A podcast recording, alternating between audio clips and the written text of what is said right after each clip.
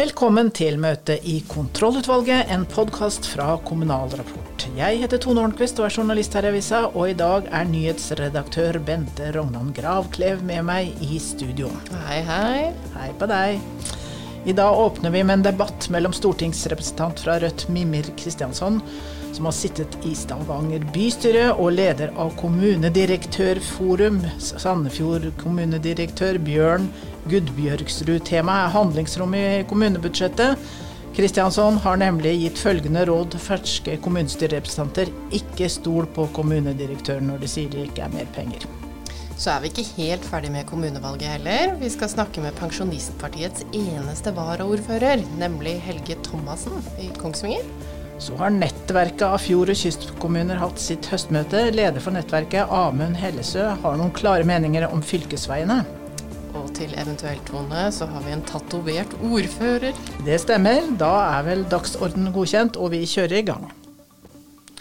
Stol aldri på en kommunedirektør. Det var overskriften på, et, på en artikkel vi hadde i Kommunal Rapport eh, denne uka. Og det var altså et råd fra Rødt-politiker Mimir Kristiansson til nyvalgte politikere i Kommune-Norge. Og det var altså vi i Kommunal Rapport. Vi skulle lage en liten nyttesak for nyvalgte kommunestyrerepresentanter om budsjettbehandlingen. Og du sa jo bl.a. Kristiansson at eh, kommunedirektører ofte har en tendens til å krisemaksimere. Du er her i studio med oss nå. Kan du utdype det litt?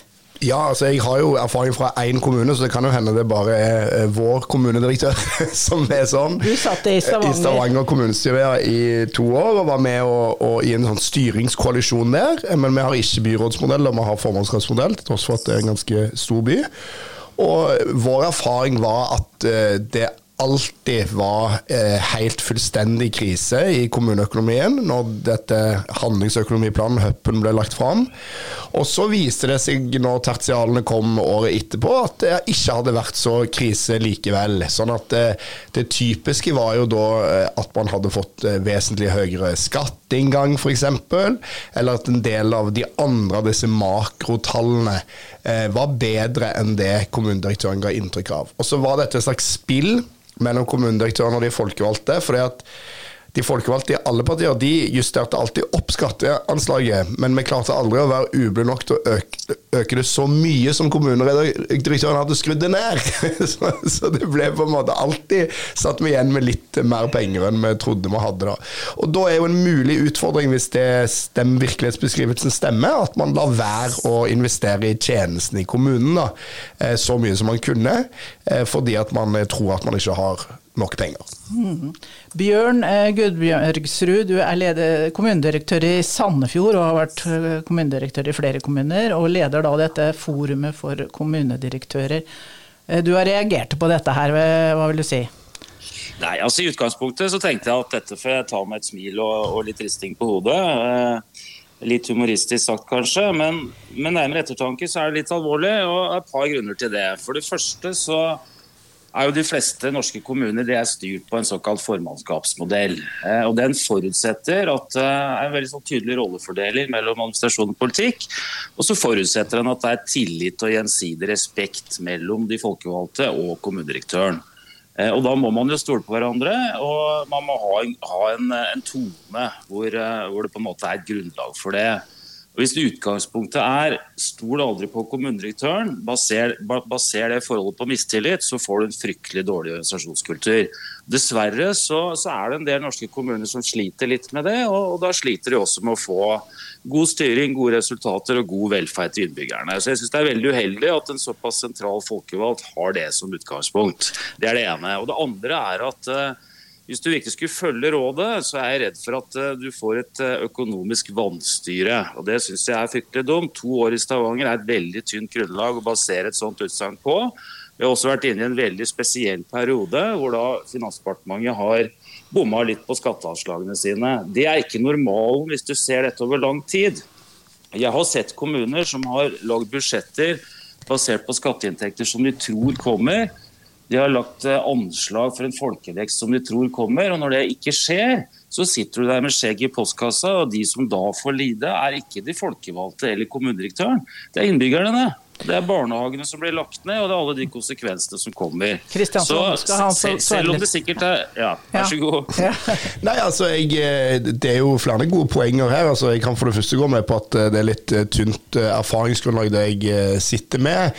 Selv om jeg opplever jo at det under flere ulike rådmenn først, og så kommunedirektør i Stavanger, har vært en ganske lik eh, situasjonsbeskrivelse ut ifra de som var lenger i politikken der òg. Det var på en måte allerede når jeg kom inn, så var det sånn alle sa i gangene jo jo, men de skrur alltid ned de skatteanslagene så sånn og sånn.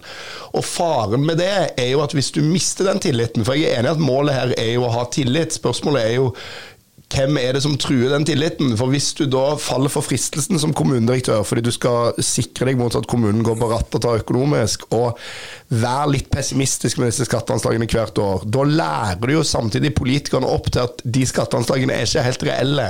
Og i verste fall da, så får du en situasjon hvor politikerne til slutt bare sier ja, men blås i det, og da styrer man jo helt i blinde.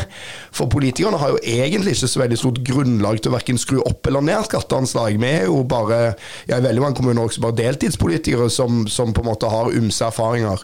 Sånn at man må, man må, på en måte ikke falle for fristelsen, tror jeg, da, som en del kommunedirektører gjør, og på en måte å, å ta litt hardt i i negativ retning eh, for å på en måte disiplinere politikerne. fordi at når da disiplinen ryker, så kan det gå veldig galt. Hva sier du, Gud Bjørksrud? Nei, altså Kommuneloven er veldig tydelig eh, når det gjelder krav til å oppstille økonomiske handlingsregler, til å tenke et langsiktig perspektiv og sørge for at kommunen har muligheter til å håndtere eh, uforutsette utgifter. Stavanger har det. Altså, det, er, det, er en, det, er, en, kommune med veldig god økonomi eh, og har veldig gode skatteinntekter. De har til og med eiendomsskatt. Det er veldig mange andre kommuner som er i en helt annen situasjon, som baserer seg på et, et råd om at det kanskje kommer skatteinntekter som kommunedirektøren ikke har tatt høyde for. Det kan ramme barn og unge på en svært uheldig måte. og Jeg, jeg vil uh, sterkt advare mot det. Og så, så, tenker jeg at eh, ok, hvis det er et mistillitsforhold her, så må man jo sørge for å snakke bedre sammen. da. Og da, da, må jo utgangspunktet være at man vil hverandre godt, og at man tror at, eh, at alle har de beste intensjoner. Som Kristinsson sier at kommunedirektøren er mest opptatt av å ha store disposisjonsfond og mindre opptatt av velferd til barn og unge så tenker jeg at det, det, er litt useriøst og det er litt sånn mistillit. Jeg tror jeg er minst like opptatt av, av, å sikre god velferd til innbyggerne, men jeg er opptatt av det i et langsiktig perspektiv. Og Hvis du bruker alle pengene på kort sikt, så er jo risikoen for at barn og unge om 10-15 år får et mye tilbud, en, et dårligere tilbud enn i dag. Og, det er klart at Et kommunebudsjett som, som, et statsbudsjett bør ha et eh, generasjonsperspektiv, og det får du ikke dersom utgangspunktet er at du tror det kanskje kommer noen inntekter på slutten av året, som du har gjort et par år nå, men som historien viser at ikke er tilfellet over tid. Men gjemmer dere unna litt penger, dere kommunedirektører? Har dere noen ja, små potter? Som ingen vet om? Nei, altså det, det, det, har du faktisk ikke lov til. Og, og Du har jo en informasjonsplikt overfor for kommunestyret, og du skal jo basere de budsjettforslagene du kommer på, kommer på, på de aller beste anslagene og forutsetningene som du har. Men så er det, så er det nok også litt fornuftig da, å, å, kanskje være litt mer konservativ enn, en det som er grunnholdningen til, til uh, Mimmi Kristiansson når det gjelder økonomistyring. Det er i hvert fall min uh, erfaring. og Jeg har sett kommuner som har gått skikkelig i veggen også, uh, hvor de har satsa på at her daler det, det ned penger fra, fra himmelen framover. Og jeg, jeg, vet jo nå at det er veldig mange kommunedirektører som sover dårlig om natta fordi de må legge fram budsjetter som har kutt som de egentlig ikke ønsker seg. Eh, og Det gjør de jo ikke av vond vilje, men de gjør det fordi at eh, de tror det er det beste for innbyggerne i kommunen.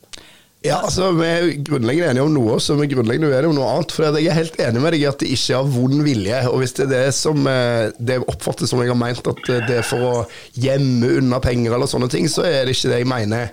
Men en kommunedirektør måles på andre ting enn en folkevalgt. Eh, altså En folkevalgt måles jo først og fremst i valg, eh, og det er på en måte en annen og kanskje mer kortsiktig tankegang enn en kommunedirektør som kanskje skal sitte i mange folkevalgtperioder. Og som òg har noen måltall, som regel politisk vedtatt i bånn. Og et på en måte faglig forum med andre kommunedirektører, der man sammenligner kommuner ut ifra ulike sånne måltallsindikatorer. Mens vi som da er folkevalgte, vi står først og fremst ansvar for innbyggerne i vår kommune. Ikke så veldig opptatt av disse måltallene og, og sånne ting. Og det kan gjøre at vi får et litt for kortsiktig perspektiv, og så kan det gjøre at kommunedirektøren får et litt for langsiktig perspektiv. Og der har du en slags gnisning som kan være konstruktiv eller destruktiv, litt avhengig av hvordan tillitsforholdene og sånn er. Og så er det jo bare viktig for meg å si at til syvende og sist så er det jo likevel de folkevalgte som skal bestemme dette. Sånn at hvis de folkevalgte ønsker å bruke pengene på kort sikt, fordi at de tenker at det er viktig nå. At vi f.eks. ruster opp skolen, vi må bygge en ny skole, det, selv om vi må ta opp lån. Sånn og sånn og sånn. Og kommunedirektøren mener at det er uheldig. Dårlig økonomistyring, burde være mer konservativ. Så er det jo kommunedirektøren, og det regner jeg med du er helt enig i òg, som må gi seg på det til slutt. Men da må man jo ha et beslutningsgrunnlag eh, der man er litt enige om, om det som skjer. For jeg tror òg det er farlig, som du sier, at hvis kommunepolitikere blir vant til at det dukker opp litt ekstra penger fordi kommunedirektøren har vært litt konservativ i anslagene sine, litt for konservativ kanskje, så begynner man jo å overbudsjettere, da. Og da kan det jo gå virkelig galt, tenker jeg da. Men det ansvaret er i hvert fall minst todelt, da. Ikke bare kommunepolitikerne sine feil. Nei, men Dette er jeg enig i. og Jeg er helt enig at det er de folkevalgte som bestemmer. Og, og, og Hvis kommunedirektøren mener én ting og de folkevalgte mener en annen ting, så er det selvsagt det siste som gjelder. Men det, dette er som i lønnsoppgjør. Altså Hvis partene er uenige om forhandlingsgrunnlaget, så kommer du ikke fram til noen løsning. Og sånn, sånn er det også uh, i kommuneøkonomi. Du må på en måte være enige om grunnlaget. Og Da, da får liksom de folkevalgte og, og, administrasjonen bruke litt tid på det. da, Og, og bli, e, bli, enige om det grunnlaget. Om det kommer ekstra skatteinntekter på slutten av året, det vet du jo ikke. Og Du kan jo ikke budsjettere med inntekter som du ikke vet kommer. Og Hvis du da gjør som, som du sier, og satser på at de kommer, så kan det gå riktig gærent. For noen ganger så kan det også gå, det også gå andre veien. Så det, Jeg, jeg syns eh, først og fremst at rådet er veldig dårlig. Eh, og jeg syns at erfaringsgrunnlaget for å gi et råd eh, basert på to år i Stavanger er veldig veldig tynt. Og er, det, det, er, ikke bærekraftig da, i forhold til de 330 andre kommunene. Hva ville du gitt som råd da, til nye kommunerepresentanter? Jeg, jeg ville gitt som råd at det er utrolig viktig at dere prøver å skape et gjensidig tillitsforhold mellom administrasjon og politikk. Det er grunnlaget for all god styring i norske kommuner, som er basert på formannskapsmodellen. Det er en, eh, jeg syns det er en god modell. Den er, den er liksom litt mer konsensussøkende da, enn en, en f.eks. Det, det parlamentariske bildet på Stortinget er. For norske kommuner, som, som gjennomgående er, er, litt mindre enn Stavanger, så, så, tror jeg det er en fornuftig og hensiktsmessig eh, modell som skaper bærekraftige løsninger og god velferd. Jeg tror at en modell som er liksom basert på mistillit og krangling, det gir ikke gode resultater for innbyggerne. Så Derfor så syns jeg det er litt, eh, et litt dårlig råd da, som, eh, som Mimir kom med. Sikkert gitt i god mening, men etter min vurdering da, på litt sviktende grunnlag. Ja, men jeg, altså, det, er jo helt, det er jo ingen som er uenig i at eh, det er dumt med krangling og bra, og bra når folk kan bli enige, men altså, det er jo noen realiteter her i bånn. Du kan godt si at jeg har litt sviktende og tynn erfaring, da, men min erfaring, da, det har jeg inntrykk av i det politiske miljøet var ganske allmenn erfaring i alle partier, er at her kommer det for konservative tall, og da kan man tillate seg å skru opp litt, og så må man prøve å finne opp hva dette litt er, sånn at det ikke blir for mye. Eh, og hvis man har sett disse her eh, altså vi har sånn, Når vi legger fram Hupp i Stavanger, så har kommunedirektøren stort sånn foredrag og sånne ting. Og da er liksom illustrasjonen det er på en måte Munchs skrik, liksom, og framtida. Det er det mørkeste stedet på jord, og sånn. Og dette er jo en disiplineringsøvelse. Det er jo ingen i Stavanger-politikken, verken i administrasjon eller politikk, som er uenig i det. At man prøver, før disse forhandlingene går i gang, og man skal dele ut penger til alle gode formål, å få disiplinert politikerne på en eller annen måte. Og da er jo det grunnlaget for at det kan bli en krangel. For hvis den disiplineringen oppfattes som for hard, og det gjør det iallfall i noen kommuner, det er jeg helt sikker på, så begynner politikerne å krangle på det. Og da må jo vi egentlig få lov til å krangle på det òg, ellers så godtar man jo bare det eh, disiplineringsforsøket fra kommunedirektøren, for å si det sånn. Så jeg er helt enig i at man må ha en sånn tillitsmodell, men da kan ikke kommunedirektørene tenke at det er bare det er bare oss folkevalgte som undergraver den tilliten. For sånn er det jo heller ikke, da. Nei, men det har jeg aldri tenkt. Og jeg, jeg tror ikke det er så mange kommunedirektører som, som, tenker det heller. Men hvis du ser liksom på gjeldssituasjonen i norske kommuner, da, så jeg ville ha vært litt bekymra for det også hvis jeg var eh, politiker. Og Dette slår jo ekstremt tungt inn i mange kommuner i dag, fordi, fordi renta øker og, og, og avdragene eh, øker. Og Det betyr jo da at det blir mindre penger til drift av barnehager, til skoler, til eh, til utbetaling av sosialhjelp osv. Så, videre. så Så ting har jo på en måte en konsekvens. da. Hvis du tar opp mye lån, så, så belaster det driftsbudsjettet mer framover. Og det er i hvert fall en opplysning som, som folkevalgte bør være klar over, eh, tenker jeg. Og så, så er jeg enig med deg da, at hvis det på en måte blir et sånt uh, spillforhold, så er jo ikke det bra. Så, så, jeg, så, mitt råd vil jo heller være at da må du sørge for å, å skape relasjoner og, og et klima osv.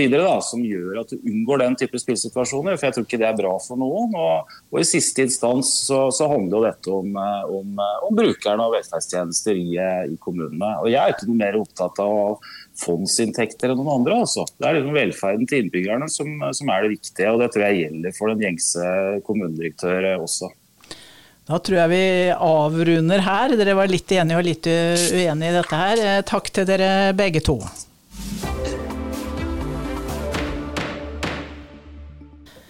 Pensjonistpartiet gjorde et godt valg denne gangen. Til sammen nasjonalt fikk de 1,5% av stemmene, som er det, noe av det beste så langt. Og vi ser eh, i Kommunal Rapports ordføreroversikt at eh, Pensjonistpartiet har, er nå med i 22 flertallskonstellasjoner i Kommune-Norge. I Kongsvinger har de fått varaordføreren, og det er deg, eh, Helge Thomassen. Velkommen til oss. Takk skal du ha. Dere fikk 12,5% av stemmene i Kongsvinger. Hvorfor tror dere dere gjorde så godt valg? Det er egentlig et valg som er innført, et resultat som vi har hatt eh, faktisk over flere valg her i Kongsvinger. Vi har alltid vært eh, godt representert. Og vi har vært faktisk oppe i over 14% her eh, i, i kommunen. Og i hele tatt i regionen, eh, i Kongsvinger-regionen har Pensjonistpartiet alltid stått veldig sterkt. Hvorfor det? Det er en kombinasjon av program og personer, eh, selvfølgelig. Og vi ser jo også i det gamle Hedmark så har vi også nå ved siste valg dobla antall kommunestyrerepresentanter. Og det er jo så vidt at vi ikke også fikk inn tre i fylkeskommunen. Eh, har eh, opplendingene vært like fremoverlent som i gamle Hedmark, så har vi hatt kanskje fire også i fylkeskommunen. Hvilke saker er dere det kjører på som eh, folk vi, vi, er jo veldig selvfølgelig opptatt, som navnet sier, av eh, pensjonister i alle aldre. Men vi konsentrerer oss også altså En viktig målgruppe for oss er de aleneboende. For Vi ser jo det bl.a. mellom eh, avgiftspolitikk og alt sånt, så kommer aleneboende ofte dårligere ut enn samboende.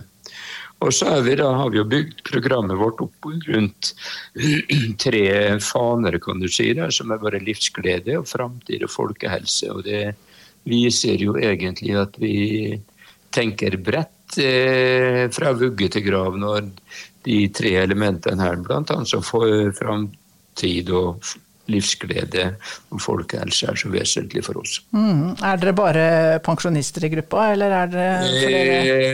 Eh, godt spørsmål. Vi er ikke det.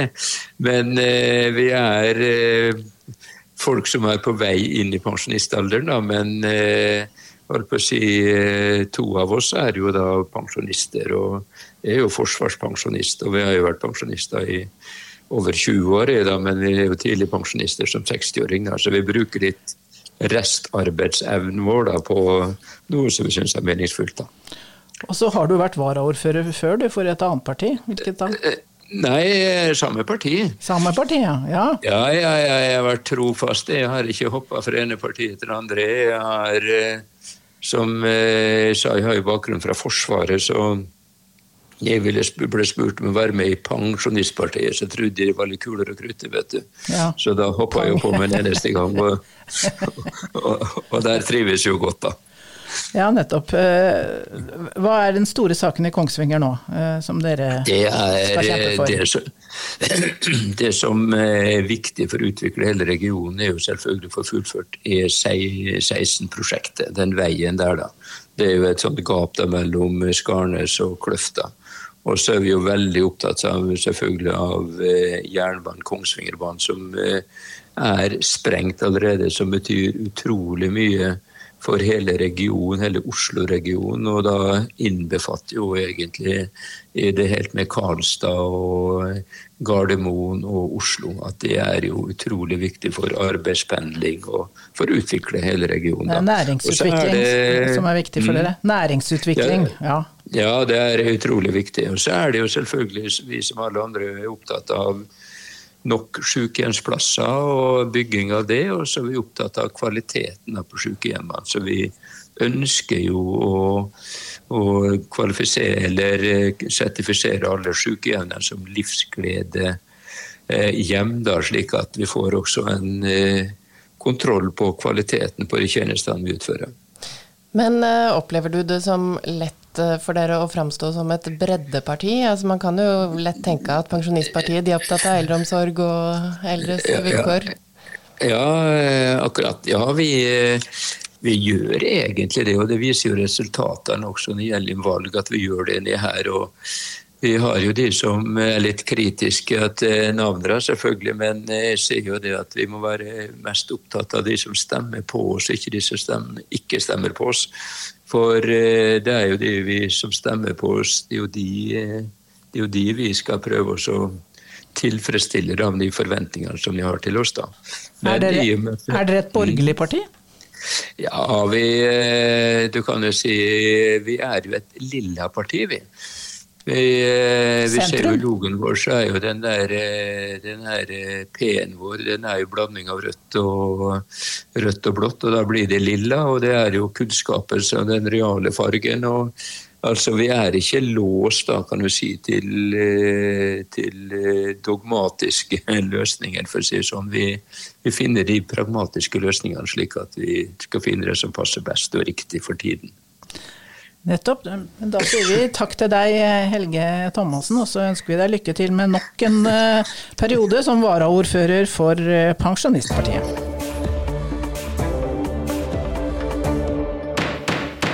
Nettverket av fjord- og kystkommuner har hatt sitt høstmøte i Oslo. De 82 kommunene har eh, ho hovedsakelig havbruk som en viktig del av næringsmiksen sin. Og debatten ble engasjert når temaet var fylkesveiene.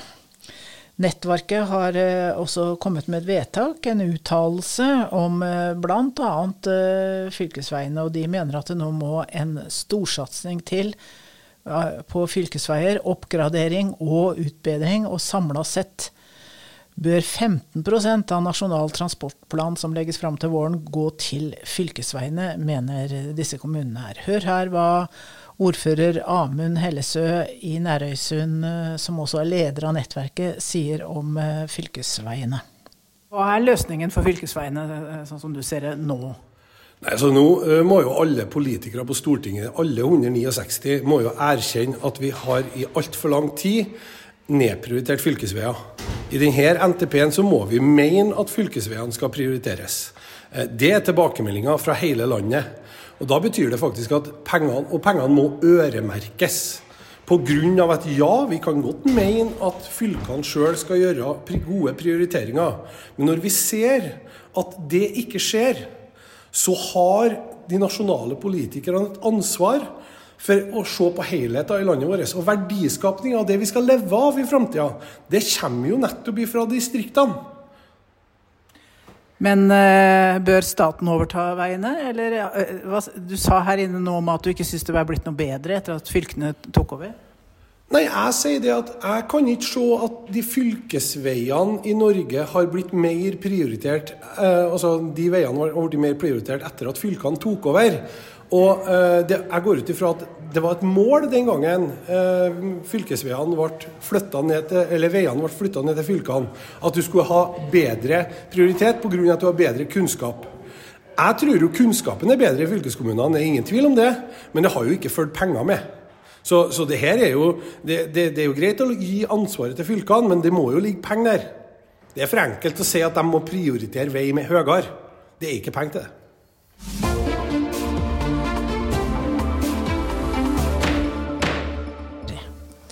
Da skal vi snakke om en tatovert ordfører fra Høyre. Ja, for eh, altså, i sitt første store lørdagsintervju i Adressa velger nyvalgte trondheimsordfører Kent Ranum fra Høyre å kaste den hvite skjorta og vise fram ryggtavla si. Og der har han også en eh, heldekkende tattis med bilde av en slags eh, naken engel. Og så er det skrevet på italiensk 'ubetinget kjærlighet til familien'. Og for Ranum han sier han føler seg litt sånn søreitaliensk. Og i tillegg så er det da et byggverk som kan være Draculas slott eller kanskje Nidarosdomen. Det er ikke så godt å si, for det hele er jo da overgrodd av lange, svarte hår. Men dette er vel ikke så vanlig blant Høyre-ordførere, vil jeg tro? Nei, jeg, jeg, jeg, tror ikke det, altså. Og han sier han har gjort det, han har ikke gått på fylla og lagd den i Napoli. Det, dette har han gjort etappevis i livet, edru i Trondheim. Men han valgte da å ikke vise den fram før valget. Ja, men Tror du at dette kunne ha påvirket valget, da? Det er usikkert, det, vet du. Men eh, det, det kan hende ha fått noen nye velgere. Noen andre velgere. Men kanskje mista en del av dem fra Øvre sin saker, da. Så først, har du sett den ryggtavla, så er det ikke så lett å glemme, så kanskje det blir tatt fram til til neste valg. Ja, men jeg, Du vet jo hvor jeg står i dette, Tony. Jeg heier på tatoveringer. Jeg ja. uh, har fem stykker sjøl, og jeg tenker at det, det, er en fin ting. Så vi vil jo egentlig da oppfordre alle ordførere til å sende oss et bilde av deres tatovering. Det hadde vært gøy. Ja, det hadde vært morsomt. Bare send det inn. Jeg vet jo om noen som f.eks. har kommunevåpenet på armen, da, men det, det, det skal jo mye til å hevde seg i konkurransen med Trondheims nye ordfører. Men uh, send det inn. Da avslutter vi denne sendingen. Bente Rognan Gravklev og Tone Holmquist var ansvarlig for sendinga, og Britt Sofie Hestvik er ansvarlig redaktør i Kommunal Rapport. Vi høres neste uke.